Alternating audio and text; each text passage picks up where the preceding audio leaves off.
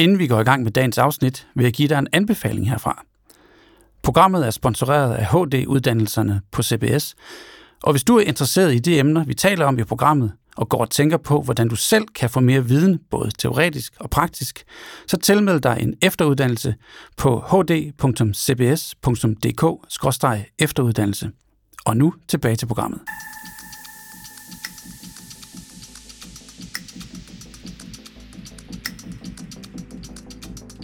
Du lytter til Hvem bestemmer i morgen? med Erik Korsvig Østergaard.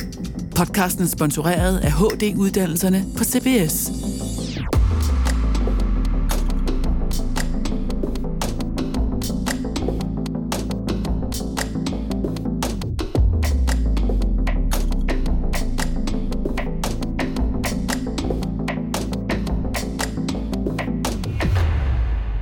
Selvledelse kræver selvindsigt.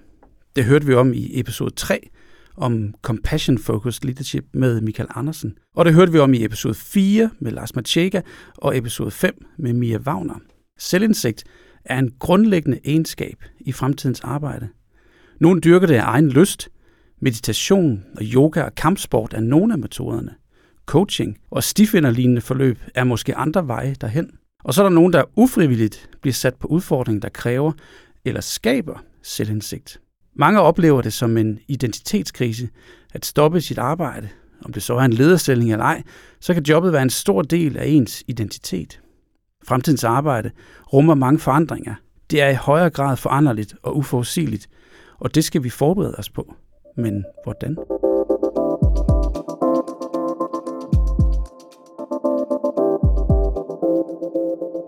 Med os i dag er Maiken Pape, CEO for Uno Living og tidligere CEO for Skovsen. Velkommen til. Tak for det, Erik. Og med os i dag har vi også øh, Sofia Manning, coach og øh, forfatter. Velkommen til. Tak. Du skrev din første bog i 2004. Øh, Jeg tror, vi talte op seks bøger. Ja, det er der. Det er, det er der omkring. Og du var med til at introducere coaching i Danmark også. Ja. Så, tak til Aspekto for, at I, I kan være her. Maiken, Hvordan forbereder man sig på sådan et arbejdsliv, der er fyldt af forandringer? Det tror jeg ikke, man forbereder sig på. Det kaster man sig ud i. Mm. Det, det har jeg i hvert fald gjort. Det har været min erfaring, at, øh, at det ligesom er en muskel, man skal træne. Mm. Og, og nogle gange, så er det jo først, når man står i, i noget, der er turbulent, at man mærker, om man, hvordan man håndterer det. Mm. Altså, og hvordan man reagerer i de, i de situationer, man nogle gange står i. Enten arbejdsmæssigt eller privat kan man jo også stå i nogle situationer, hvor alting kan være, kan være lidt sværere at se en ende på, eller se en løsning på, eller mm. hvad det nu måtte være, ikke? Hvordan opdager man, at sådan noget bliver, bliver, bliver turbulent? Kan man, er, er der noget, noget, man kan træne, så man bliver opmærksom på, at oh, nu bliver det svært, eller skal man bare leve i den der turbulens? Ja, jeg tænker, at øh, jeg har i hvert fald kunne mærke det på egen krop. Mm. Jeg tror, det er det der med, øh, hvad der er turbulent for mig, er ikke nødvendigvis turbulent for dig. Mm. Så jeg tror, øh, det der i hvert fald har været min, min, sådan, min ledestjerne i det, det har været at mærke på mig selv, om jeg føler mig tilpas, mm. om jeg har det godt i det.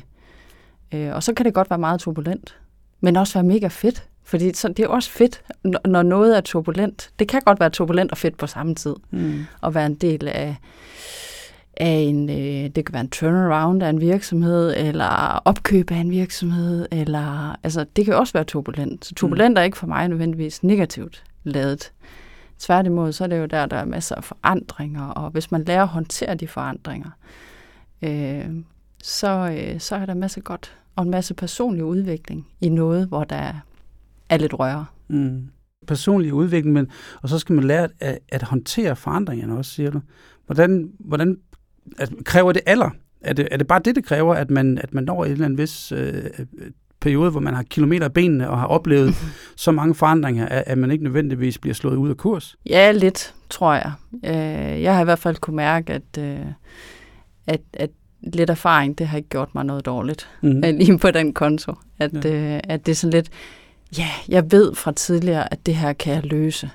Jeg, og det, jeg sagde det faktisk for, for nylig også, øh, jeg havde en medarbejder, der sagde op, og, og så sagde jeg også, prøv at høre, øh, vi løser det. Og vi, jeg, jeg har helt ro på det. Jeg holder påskeferie, og vi løser det på den anden side af påsken. Mm. Fordi det ved jeg bare fra, med erfaring, så skal vi nok få løst. Mm. Men omvendt, så, øh, så tror jeg faktisk, at erfaringen nogle gange kan gøre, at man, øh, man også drager nogle erfaringer frem, som ikke nødvendigvis var positive. Mm. Altså fordi man er også ung og naiv, når man er, det har jo også været leder i midten af 20'erne eller 30'erne, ikke, hvor man bare er naiv og kaster sig ind i det og tænker, vi løser det. Mm. Man er naiv på den måde, at man tænker, at man kan løse alting. Mm. Så, så det er måske sådan lidt begge veje, faktisk. Mm. Kan, kan du følge mig lidt? Ja, bestemt. Ja. Sofia, er, er alder en fordel, når man står over for forandringer? Jeg tror, at det er peger faktisk helt tilbage til, hvordan vi er vokset op. Mm. At ret tidligt i vores liv etablerer vi vores strategier. Hvordan er vi i verden resten af livet? Mm. Det jo, kan jo både være gode nyheder og dårlige nyheder, alt mm. efter hvordan man er vokset op. Og det betyder, at nogle gange kan det være sådan, at jo mere turbulent din barndom har været, jo, jo bedre er du faktisk øh, til at navigere i, i, i forandringer og udfordringer som voksen. Mm. Så derfor synes jeg også, at jeg møder mange unge mennesker, øh, som, som også er gode til det, fordi de har været vant til at, at udvikle den måde at overleve på. Øh, jeg tror, at det, som er den vigtigste parameter, og det er så alle aldre, det er, hvor meget plads har vi inde i. Øh, I hvert fald, hvis vi skal stå sundt i forandringen. Fordi der er jo også forskel på, jamen, er det en forandring, vi selv ønsker? Altså er du for eksempel den, der, som du ofte nok har, altså har indflydelse på det, der forandres, mm. eller bliver du forandret på? Mm. Altså den, der bliver, man kunne kalde det næsten udsat for forandring, men det kan selvfølgelig også være øh, ikke kun i arbejdssituationer, men også i livet, altså sygdom, krise.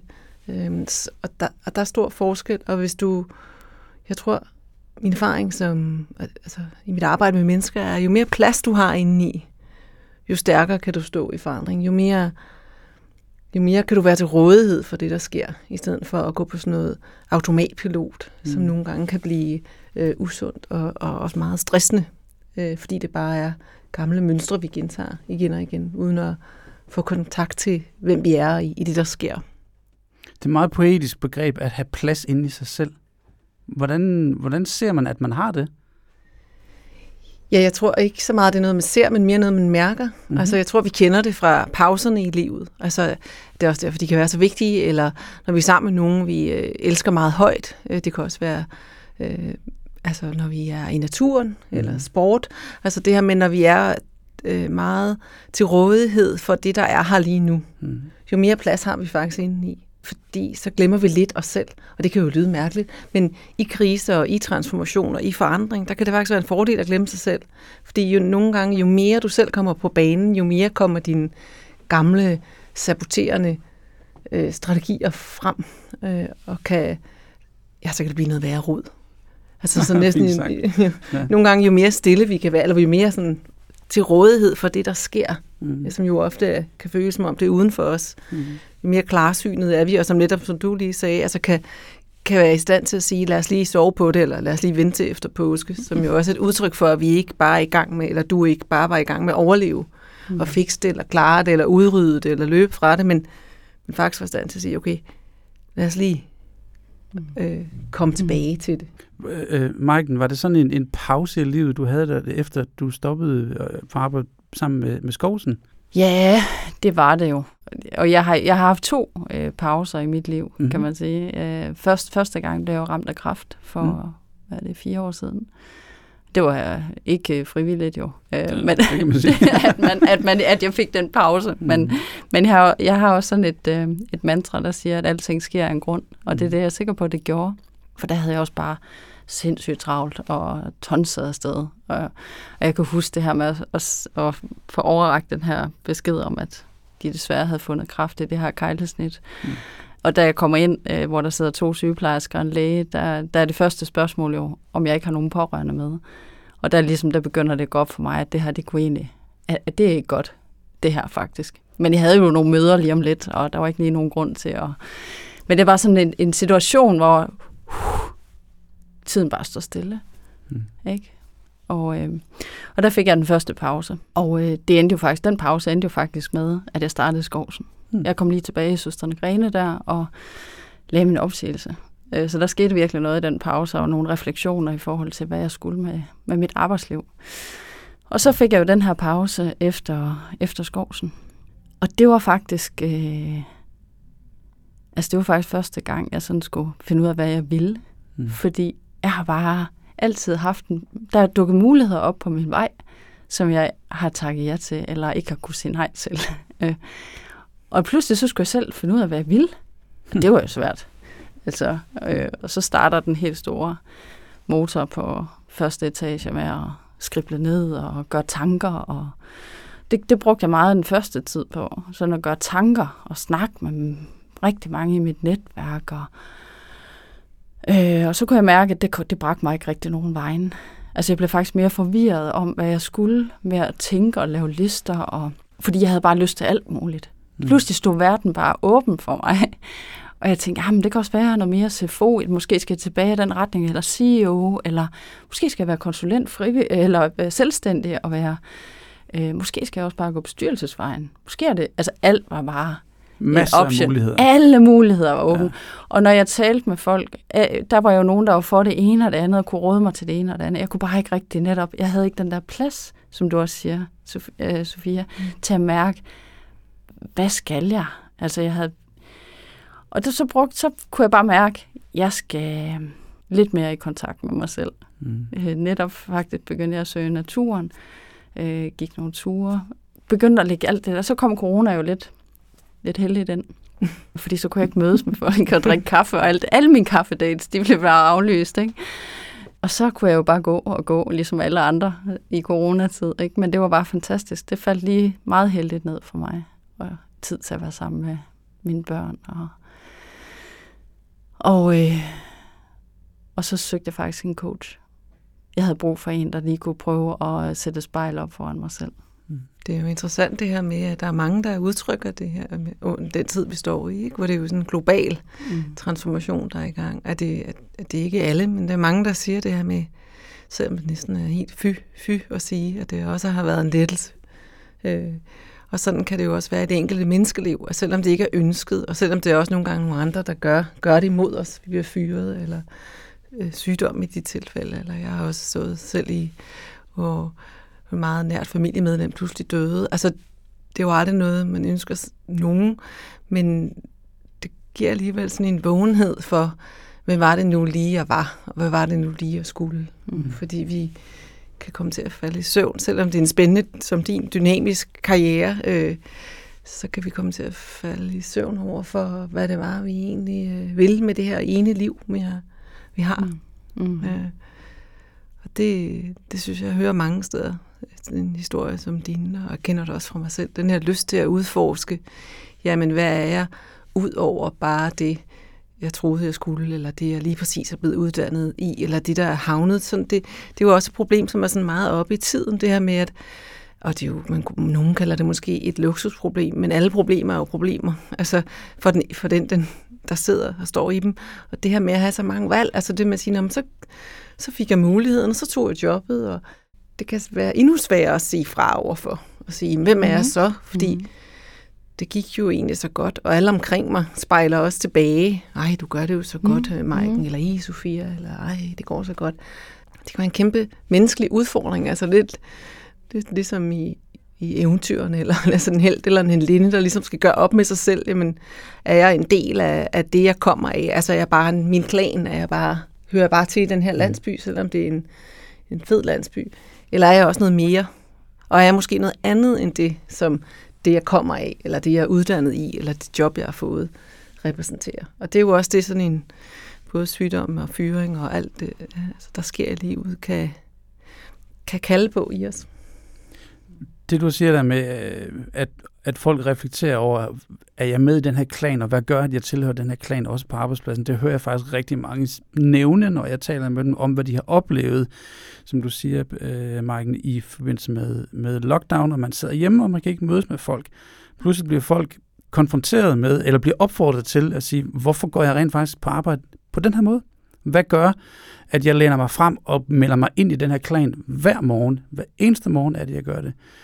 Og folk, lige præcis, når, når vi så samtidig begynder at lave om i vores arbejdsstruktur, har måske et fladere hierarki og mere selvledende teams, og opfordrer folk til selv at tage mandat, og vi, vi arbejder med empowerment, så er der rigtig mange, som bliver udfordret på det der. Hvad, okay, er det rent faktisk det, jeg vil? Og hvis jeg skal løbe med de her bolde selv, hvem er jeg så? Hvordan læner jeg mig frem i den her dialog, som jeg skal, øh, skal varetage på vegne af min klan? Over for nogen, som jeg måske øh, møder for sjældent i forhold til rent faktisk at have en god dialog med dem. Mm. Hvordan kan vi hjælpe hinanden til at navigere i, i det her, når, når der er mange flere forandringer, og det er meget mere mudret, hvordan man, øh, hvordan man arbejder sammen? En, øh, en diskussion, som jeg har haft meget her på det sidste, øh, er faktisk det her med, jeg tror, det er en lille smule forældet at tænke. Nu har vi i mange år, et år 10 måske, talt om det her med at have et, et why, eller et hvorfor i virksomheden. Og jeg tror, det er en lille smule på vej ud, fordi for den enkelte medarbejder, altså netop det, du siger der, der er det simpelthen bare ikke så interessant mere. Altså det er ikke så, det bliver en lille smule uautentisk, og kan også føles falsk for den enkelte at sige, mm. nu går jeg på arbejde her, og vi laver, øh, producerer det her, øh, fordi vi, på grund af den den her historie, som også har været meget op i tiden, eller det her hvorfor. Jeg tror, det er meget mere interessant for det enkelte individ for at gå på arbejde, er dem selv. Mm. Og føler de sig levende, når de går på arbejde? Er de i ægte kontakt med dem, de arbejder sammen med? Altså er der en ægte relation? Mm. Og øhm, er det afslappet nok til, at de kan være sig selv? Så jeg tror faktisk, vi er i gang med et kæmpe skift, altså i hele samfundet, men også mm. på ude i virksomhederne med, at, at, at lederne og ejerne øh, skal, skal indse, at jamen, det er simpelthen så vigtigt, at, at arbejdsmiljøet er afslappet og øh, relationelt og levende nok for den enkelte til, at, at det ikke er nødvendigvis, fordi det med at hægte sig op på et eller andet større, hvorfor, det kan også ringe lidt falsk, når man så går hjem klokken fem, ikke? eller hvornår mm. man går hjem. Men det der med at gå på arbejde, fordi at man føler sig i kontakt med sig selv og, og livet, så, så sker der noget andet. Mm. Det tror jeg, vi kommer til at se en ret stor forandringsbølge. Jeg, jeg tror, at det der med, at der sidder nogen oppe i hierarkiet og siger, vi har jo det her, hvorfor? Det tror jeg ikke, det tror simpelthen ikke tænder den enkelte medarbejder så meget, som det måske har gjort, øh, især ikke efter det her år. Der, der kom faktisk en, en uh, McKinsey-rapport frem for to måneder siden her i starten af 2021, som understøtter det, det du siger der, Sofia, hvor de store virksomheder arbejder stadig med, med hvorfor, men ikke som en, en strategisk retningsgiver, men som en identitetsskaber i forhold til det helt nære forhold hvem knytter jeg mig til på arbejdspladsen? Hvordan, hvordan undgår jeg at, øh, at, føle mig, øh, at føle mig fravalgt, hvis, hvis forandringer sker? Hvad, hvad, hvad er det for en mekanisme, man, øh, vi har med at gøre? Og der peger de på, at flere arbejder med formålet som værende øh, en sådan slags tyngdekraft. Mm. Kan du genkende det? Ja, fordi jeg tror, vi kommer til, det er jo også det, der sker, når øh, frygten kan være som, øh, som individ. Det er det her med, hvis jeg mister det, jeg laver, mister jeg så den, jeg er. Mm. Og det er jo det, vi skal lidt væk fra. Altså understøtte, at, at den enkelte stadigvæk kan holde fast i, hvem de er. Mm-hmm. Så der kommer en anden form for... Fordi selvom vi har talt om udvikling, og jeg er også selv coach og forandring, så er vi enormt tryghedsdrivende. Altså jo mhm. mere trygge vi er, jo mere, jo mere kreative og dynamiske øh, og samarbejdende bliver vi. Så ja, det kan jeg helt klart godt genkende.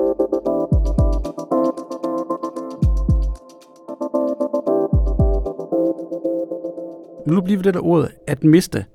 Og det er meget interessant, fordi vi, vi tog fat i Louise Dinesen, psykolog, som også var med i sæson 1 af den her podcast, for lige at høre, hvad er hendes bud på lige præcis den her at miste sit job eller miste sit tilhør til arbejdspladsen. Så lad os lige høre, hvad Louise har at sige.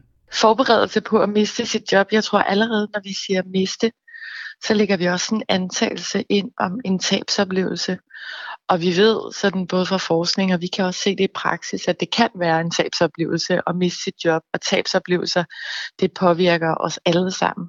Og jeg tror, det er vigtigt at anerkende, at det bare menneskeligt kan være hårdt og svært at blive fravalgt. Det vi kan gøre, det er, at vi kan anerkende, at det at miste kan være svært. Ikke? Og vi kan øh, på en eller anden måde også opbygge et værn mod tabsoplevelser, tror jeg, hvis vi anerkender, at der kan være en periode forbundet med det at miste, som kan være vanskelig. Ikke? Så hvad enten vi ligesom mister status, indflydelse, sociale relationer, økonomisk stabilitet, så reagerer kroppen på tabsoplevelser. Øh, når det så er sagt, så tror jeg også, at vi kan øh, arbejde med at ændre hele sproget, altså måden, hvorpå vi taler om det at miste sit job.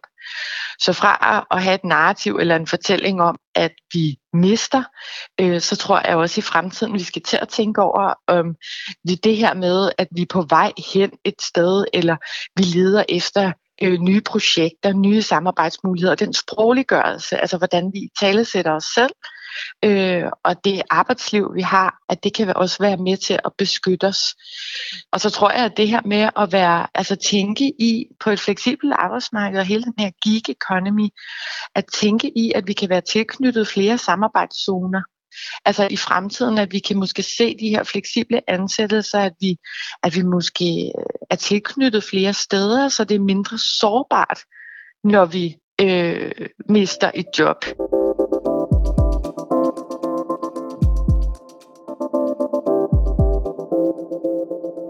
Maiken, kan du genkende det, Louise siger her om at øh, finde sig selv, det med, at, at man, nu er jeg på vej et sted hen, at jeg, at jeg søger oplevelser? Er det mere rettet mod, mod den, den, den indre forståelse af, hvem jeg er, når man står i de her turbulente situationer? Ja, altså det kan jeg jo. Øh, nu, nu taber hun, eller hun taler jo meget omkring det her med at miste noget, mm-hmm. eller om man får noget. Yeah. Altså er det en fordi man kan vende meget af det, noget af det, man mister. Nu snakker hun om statustab, eller det kan være økonomisk øh, tryghed, eller sociale relationer, eller hvad man nu mister. Mm.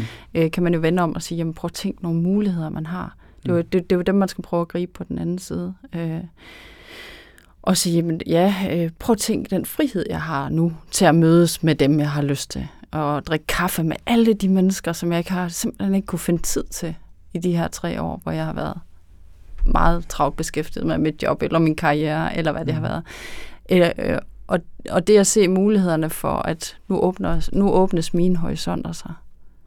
Nu kan jeg vælge igen, hvad jeg skal. Øh, jeg ved ikke, om det er sådan ligesom... Men, men det var bare lige min refleksion oven på det, hun, øh, hun, hun egentlig er inde på. Og jeg tror helt sikkert på, på den her mere sådan... Øh, jeg kan, godt, jeg kan godt fornemme også, der er forskel på generationer øh, i den reaktion, jeg oplevede, da jeg kom ud i den her øh, tid her, mm. hvor, hvor der netop er den sådan lidt ældre generation, der virkelig synes, det er skamfuldt at miste sit, at miste sit job, eller mm. stå uden for arbejdsmarkedet. Ja. Øh, og ikke have en plan, ikke har været den, der har taget initiativet måske, eller har en plan for, hvad man har tænkt sig, der skal ske på den anden side. Og så er de lidt yngre, som sådan, jamen det er da fantastisk spændende for dig, hvad du skal, ja. øh, som, som ser på det på helt andre måder. Så jeg ser virkelig også, at der er, der er, der er nogle ting på gang her. Der er vel også en form for det, som øh, positiv desillusionering i, i det som at miste et job eller, mm. eller, eller en relation. Eller, altså, fordi det er et tab, som hun også siger, men det er også en mulighed for at finde sig selv på en ny måde. Yes. Og det er jo også det, du siger. ikke? Altså, og det er ikke altid fedt, og det er jo ikke altid, at man er klar til at høre, at nogen siger, det som du så har opdaget den yngre generation, eller mm. har oplevet. Mm. Eller, men, men uanset, hvis du tillader, og det er nogle gange det, vi kan glemme i vores samfund, og ligesom invitere den der Altså det er lidt ligesom, du kan jo heller ikke bygge et nyt hus uden at bygge, og ligesom finde grunden og lave et fundament. Mm. Og sådan er det jo også med, hvis du bliver fyret, og der er en sorg, jamen så må du lige tillade den, og så se, hvad der bygges ovenpå med den sorg i bagagen bagefter. Fordi det gør jo mm. også, at du bliver dybere, og måske endda, hvis du er heldig, mere empatisk. Øh, mm øh, menneske, mm. hvis du tør at sige, okay, det var mega nederen at blive fyret, det var super ked af. Altså, mm. det, var, det var ikke det, jeg ønskede. Øh, og hvad betyder det for mig som menneske? Altså lige lade det lande lidt. Øh, det tror jeg, at vi skal bruge, eller vil være godt at tillade mm. i samfundet, og ikke gøre det hverken rigtigt, altså sådan, ej, kom bare på med de lyserøde brilleglas og videre, og heller ikke gøre det forkert, men ja. gøre det, hvordan lander det i dig? Altså, hvordan er det for dig, Erik, eller for dig, Mike, eller for mig, Sofia, og, at stå der og ikke vide. Altså det er jo lidt ligesom at øh, grænse et land. Altså du har et, et ben i hver lejr, eller et ben i hver land. Ikke? Det ene ben står stadigvæk i, i, i et land, hvor du egentlig har en identitet, som at være ansat i det job, du har været, for eksempel, hvis det er et eksempel. Og det andet står i et land, du slet ikke kender, hvor du ikke taler sproget, du ved ikke, hvordan det er. Mm. Øh, og det er et udfordrende sted, og det kan være svært at give slip. Altså det er lidt ligesom at vide, okay, altså tør jeg tage mit benet med mig, mm-hmm. så jeg ikke lader det stå i, den der, i den gamle i det gamle land, og så ikke rigtig får hele mig med over i det nye. Det er jo sjældent, tror jeg, at man øh, bryder en relation. Øh, mm. Øh, enten et arbejdsforhold, øh, eller i et parforhold, eller hvad det måtte være. Man bryder en relation, uden at, at begge parter har fornemmet, at der er et eller andet her. Det kører ikke helt optimalt, vel? Altså, mm. der kan selvfølgelig være de situationer, hvor den ene bare synes, det kører fantastisk, og den anden synes, det kører helt forfærdeligt. Men det er ikke så ofte. Det, der jo også skete for mig, det var virkelig en tid med refleksion på, hvad, hvad var det egentlig her, jeg blev mødt af? Hvad var det egentlig for nogle, hvad var det for nogle værdier, hvor vi ikke fittede? Altså, hvor, hvor der ikke var måske et match, eller måske i virkeligheden også øh, tid til, til selvrensagelse, mm. øh, i forhold til, var jeg egentlig, var jeg egentlig dygtig nok? Det kan være på kompetence, eller greb jeg egentlig situationen rigtigt an? Hvad, hvis jeg skulle prøve at reflektere over det, hvad kunne jeg have gjort anderledes? Og det, det, det er jo noget, hvor man så virkelig kan tanke op i sin rygsæk, og t- så, så man skal have med sig videre. Mm. Øh, den læring. Fordi hvis man bare cutter af og siger, det var også deres skyld, øh, det var helt sikkert kun der øh, problemerne lå, så får man ikke noget læring ud af det. Men du er nødt til at tage den læring øh, omkring dig selv med mm. videre. Jeg blev meget klogere på mig selv. Det er simpelthen så, så vigtigt, det du siger der, fordi det er jo der, du kan, det er jo det, det, er jo det der helt livsvalg, som vi alle sammen møder, hvor du kan vælge mellem at groft sagt øh, blive offer, også selvom du er en powerful, ressourcestærk person eller ej. Mm. Altså netop ved at komme til at sige, nej, det var også bare en klap, mm. klaphat af en leder, mm. eller en, sikkert en dum virksomhed, eller ej, han var bare heller ikke den rigtige for mig, eller hvad vi nu kan. Mm. Mm, eller, mm. eller, og så mister vi os selv fordi så, det kan vi i hvert fald risikere, så kan vi ligesom tage mm. den offerhistorie med os, mm. og så finde en ny form for hurtigt, fordi vi næsten ikke kan holde ud. Nej. Eller ligesom kigge ind af, som du beskriver, og sige, okay, mm. hvad lærte jeg egentlig her? Øhm, ikke fordi jeg skal placere skyld, men hvilken andel havde jeg i det? Ja. Øh, det er jo det er en, en helt anden måde at komme igennem øh, sådan en, ja. en, en krise eller en ja.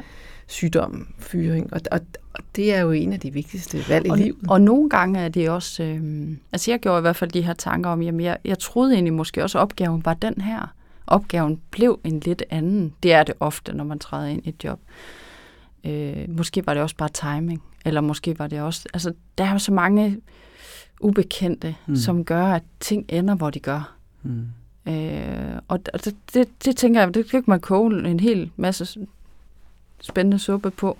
Men man skal huske at tage noget op af den suppe der og sige, hvad, jeg, hvad, hvad kan jeg lære om mig selv, som jeg faktisk kan bruge fremadrettet, til at træffe nogle kloge valg. Fordi dem står man jo så overfor. Mm. Fordi det, på et tidspunkt skal jeg træde ind i en ny arbejdsrelation. Og hvad er det så lige, jeg skal lære om mig selv nu? Mm. så jeg ikke så appen ikke flytter mig videre. På den måde er, er krise jo meget at møde, møde med os selv, egentlig. Mm. Altså det, hvis vi siger, tør sige ja, og det er ikke altid, vi er stand til, men hvis vi kigger i den retning, så er det jo det her møde med os selv, hvor vi så kan komme op af, af mudderet igen øh, og putte et, en, et nyt øh, stykke af patchwork-tæppet på sin plads mm. til det, der er den helhed, øh, vi hele tiden er i gang med at blive. Det bliver super interessant, at hvis man kigger på vores forældre, så har de måske haft et, måske to jobs i deres liv, hvis det er gået højt tre. Nu ved jeg godt, nu karikerer jeg helt vildt. Ikke? Vi, vi, sidder, vi har måske haft måske 6, 7 eller 8 jobs med den alder, vi har. Vores børn kommer til at have 20, måske 30 jobs, dermed også 20-30 jobs skifte. Så det, som, som I, I begge to siger, at, at kunne forberede sig på at fornemme det, at kunne forberede sig på de ubekendte, som, som du siger, Marken, og også kunne forberede sig og træne sig selv i, som du siger, Sofia, refleksionen. Hvordan samler jeg det rigtige op? Hvordan tager jeg det rigtige med mig fremadrettet, så jeg kan lære at blive endnu mere refleksiv, endnu bedre til at navigere der, hvor jeg nu kommer hen. Og det kan være, at jeg som ung person kommer til at have måske øh, 10 år, hvor jeg arbejder to år der og to år her, og måske er jeg flere steder på en gang, hvor jeg også både bliver til- og fravalgt. Så det er jo en evne, vi skal træne os selv, og også de fremtidige øh, arbejdspladser og arbejdstagere i at mestre. Men pokker gør vi det? Jamen, jeg tror, at de kommer til at træne sig selv, øh, fordi, forstå på den måde, at de unge mennesker, øh, altså jeg møder, og det er jo helt ned til teenager, teenager øh, det, øh, de, er, de er hurtige til det der. Altså, det er mhm. simpelthen en del af generationen også, som du var inde på tidligere. Altså, det, det, er en, det er en helt anden generationer, vi har med at gøre, som, som ikke stiller spørgsmålstegn ved forandringen på samme måde, som forrige, og måske også vores generation, har gjort. Altså, de på en anden måde øh, er det en del af landskabet. Altså, jeg tror slet ikke, nu har jeg en datter på 14, jeg tror slet ikke, hun kunne forestille sig at have et, altså, altså, som du siger, have et job. Altså, hun, mm. hun har også skiftet skole mange gange, og hun har skiftet land endda. Altså, det, det er en del af hendes DNA, og, og jeg tror slet ikke, hun Altså, så på den måde kan vi jo være til deres rådighed mm. med forhåbentlig noget visdom, som vi har øh, måske været heldige at indhente ved at, at gå igennem de her fejl. Ja. Og så tror jeg, at det her med at, at, at være rollemodel for, at det er velkomment. Altså at sige, jamen det, det, det er okay, du må godt have, have det mega dårligt over, du mistede det job, eller den kæreste gik, og tage det med dig. Mm. Altså i stedet for at gøre det rigtigt og forkert, eller mm. holde det op imod en eller anden ydre standard. Mm. Men jeg tror også, der ligger det her. Nogle gange så vælger vi jo selv noget turbulent. Altså vi, vi mhm. inviterer mm. det ind i vores liv. Øh, og det, det kan jo være, hvis, øh, hvis vi bryder op og flytter til et andet land, eller så skaber vi jo noget turbulens i vores eget liv og vores børns liv, eller det kan være en skilsmisse, eller nyt job, eller karriere, der bare buller afsted, hvad det nu måtte være. Men det, at man, man måske lærer, det kommer også lidt med erfaring og alder, tror jeg, men det her med at, at skrue lidt op og ned for det. Mm. Øh, sige, at nu kan man godt køre en periode. Jeg har i hvert fald kunne mærke den periode, jeg så var i skovsen. Det var rigtig rart på den anden side af det her at sige, nu kører det måske ikke helt på samme blus. Det er faktisk også okay. Mm. Øh, jeg lader også op, for jeg, jeg ved, at det kan jeg også. Jeg, jeg har helt ro i maven på, at det kan jeg også, det andet, hvor jeg kører 200 timer. Men det er ikke sikkert, at jeg lige skal det hele mit liv. Det tror jeg er så klogt sagt. Altså, fordi det tror jeg også sker i familiestrukturerne. Jeg tror også, at de familier, der kommer, mm. og det er allerede på vej til at ske at, at, at, at, i parforholdene, at i stedet for at sige, nu har vi lige meget ansvar og lige mange opgaver, så kommer vi måske i højere grad til at sige, og nogen gør det allerede, nu tager du tre år, så tager jeg tre år. Altså, det bliver noget andet, netop af den grund, du siger. Oh, ja. Altså, at vi simpelthen også nogle gange bare har brug for at Øh, det synes jeg også, mange af de ledere, jeg arbejder med i min coaching, udtrykker, at, at man simpelthen har brug for at tage nogle refleksive rum, om vi så er korte eller lange. Øh, for ellers så bliver de simpelthen taget fra en ved, at vi bliver lagt ned med, mm. med stresssygdom. Øh, ja, og det er måske også bare at flytte et fokus. Altså nu har jeg jo så været, der er stået i spidsen for skovsen, ikke været måske så... Det har ikke været fagligheden, der har været i fokus, eller hvad skal man sige. Jeg har ikke været, skulle være specialist. Jeg kommer jo ellers ud af finans, og, og har været, det er egentlig det, jeg kommer ud af at være fagligt stærk på, på det økonomiske felt. Men det var ikke ligesom det, der var, der var det jo meget ledelse. Mm. I virkeligheden kommunikation. Og, og hvor jeg nu sidder i sådan en mere en... Jeg, jeg udvikler mig meget lige nu inden for e-commerce, ikke? Fordi det er et nyt felt, jeg træder ind i, øh, typisk sådan retailer, ikke? Og, og så siger nu skal jeg lære noget. Nu er det her, det er sådan et læringsrum. Nu skal jeg udvikle mig til at forstå den her type forretning. Nu er jeg nysgerrig på det. Så det kan godt være, at man også bare flytter sit, øh, sin energi fra, fra et område til et andet. Mm. Men jeg ved også, at for nogen, der vil det være et statustab at gå fra at stå i spidsen for en virksomhed, der har en milliard i omsætning, til en virksomhed, der har måske 70 millioner i omsætning. Men, men det tror jeg også, der sker et, et eller andet skisme på vej der også, hvor, hvor at det er ikke det, det handler om. Der er sådan en cyklerisk øh, læringskurve. Øh, jeg har helt ro på, at jeg kan godt stå i spidsen for en mm. milliardforretning. Nu har jeg prøvet det. Nu skal jeg prøve noget andet. Og nu skal jeg få noget andet ud i, i min personlige udvikling.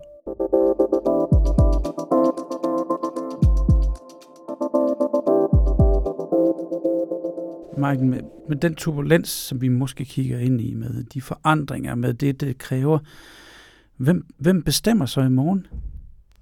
Øhm, jamen, det er jo et godt spørgsmål, men jeg tror netop, det er, det er nogen, som, som, som hviler i sig selv. På et tidspunkt, så hopper man simpelthen af vognen, hvis, øh, hvis man lader sig påvirke af øh, de beslutninger, andre tager for en, eller de beslutninger, ingen tager, som kommer udefra øh, de kommer til at accelerere. Så jeg tror i virkeligheden, dem, der sådan kan bevare roen, øh, og hvile sig selv på, at der skal nok findes en løsning. Mm. Fordi det ved vi med erfaring, at der altid findes løsninger. Og som kan samarbejde på tværs, og, og se hinandens styrker. Mm. Øh, nu, nu tænker jeg også meget i ledelsesperspektiv. Ja, ikke? Men det, det tror jeg på. Jeg tror også, de ledere, øh, nu er du selv lidt inde på det her med, at det er store virksomheds store why, eller skal vi fokusere måske mere som ledere på den, det, den enkelte medarbejders, hvad er du her for? Og det er okay at sige, jeg er her et års tid eller to. Eller, jeg vil egentlig gerne lære det og det. Okay, lad os folde det ud. Hvad er det du, hvad er dit why? Hvorfor, hvad er meningen med, med din, dit arbejdsliv her? Mm. Og have fokus på, på, på vores, de enkelte individer, som vi omgives af. Og vide, at de kommer og går. Og glæde os over, at de er der den tid, de er der. Og ikke øh, blive ked af, at nu mister vi dem. Det er jo fantastisk, når de kommer videre til en ny spændende post, eller mm. man måske endda kan hjælpe dem videre. Det synes jeg er så interessant, du siger det der med, at, at og du, du sagde også lidt af det, Sofia, det der med at, at, at finde meningen med de, måske lige den episode af, det, af, af livet, som du har lige nu, og den mm. episode kan være måske, som du siger, tre måneder eller tre år. Den, kan, den behøver ikke være, ligesom min, vores forældre har været, det her skal jeg lave resten af mit liv. Nej. Jeg ved det ikke selv. Jeg er, også, jeg er også lige nu i en, i en periode, hvor jeg også vil, vil finde, okay, hvad, hvad er meningen med det, jeg gør lige nu? Hvordan får mm. jeg øh, skabt mening i mit liv? Hvordan finder jeg den ro? Mm. Hvad har du gjort, Marken, for at finde den ro øh, i dig selv? Det, det jeg jo fandt ud af i min pause, det var, at jeg synes, det var skønt at, at vandre.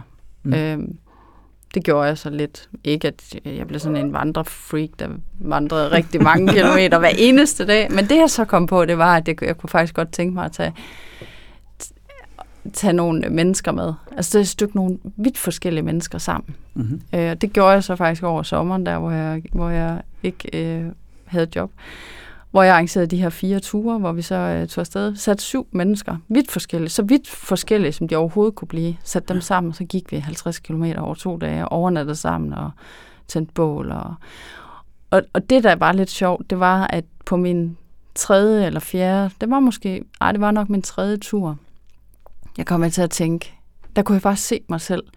Det her, det er måden, jeg er leder på. Jeg, jeg kunne ikke forklare, hvorfor. Folk sagde også, hvorfor, hvad, hvad skal de her vandreture til for? Er det noget, du skal til at lave nu? skal du leve af det?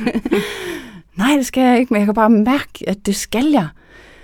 Det, det her, det kom bare sådan, åh, jeg skal bare sætte nogle mennesker sammen, jeg skal møde nogen, jeg skal, jeg skal bare prøve at, at træne den her nysgerrighedsmuskel, øh, og være nysgerrig, lytte over for nogle mennesker, som jeg helt sikkert kan lære noget af, og som jeg ikke, jeg, jeg ved ikke hvad, men nogle forskellige ting. Ikke? Mm.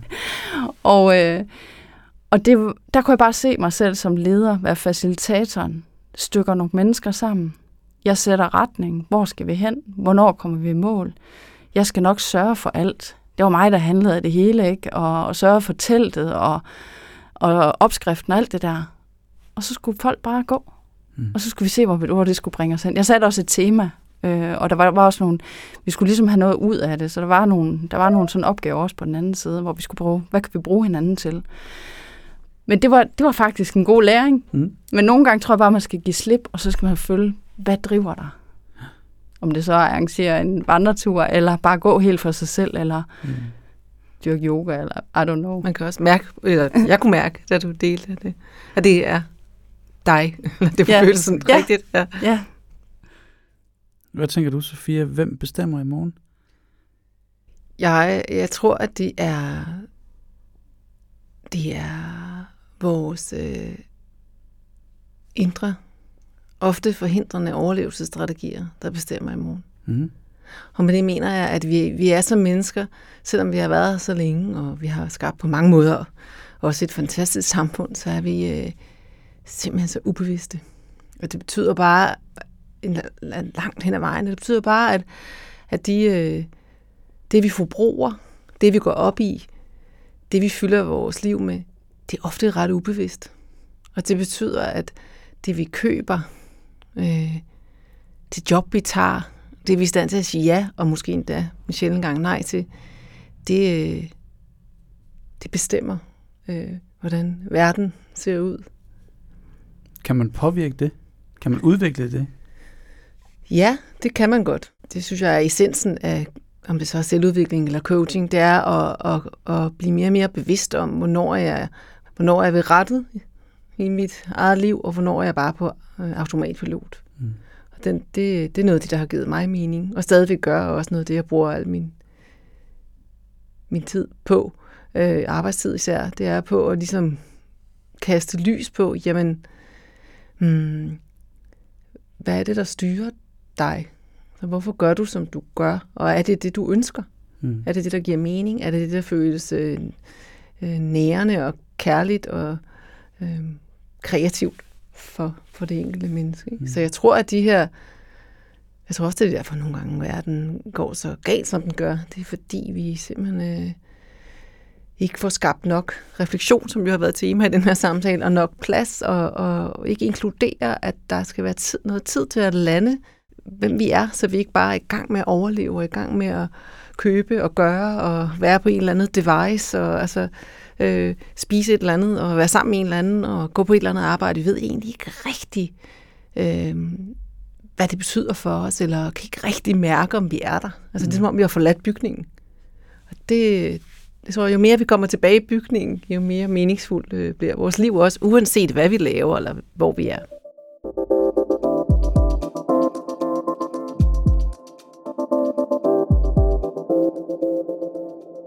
The kids are gonna be alright. Som Sofia Manning sagde, de unge er forberedt på forandringer. De er trænet i refleksion så de skal nok være forberedt på et forandrende arbejdsmarked. I næste episode tager vi hul på tredje tema i den her sæson, som netop handler om software i ledelse. Med os som gæst har vi Thomas Ternej, Ph.D. i kunstig intelligens og CEO i Swimcam. Og fra CBS har vi Daniel Hart, Associate Professor ved Department of Management, Society and Communication. Og vi skal se på, om data gør os til en bedre leder.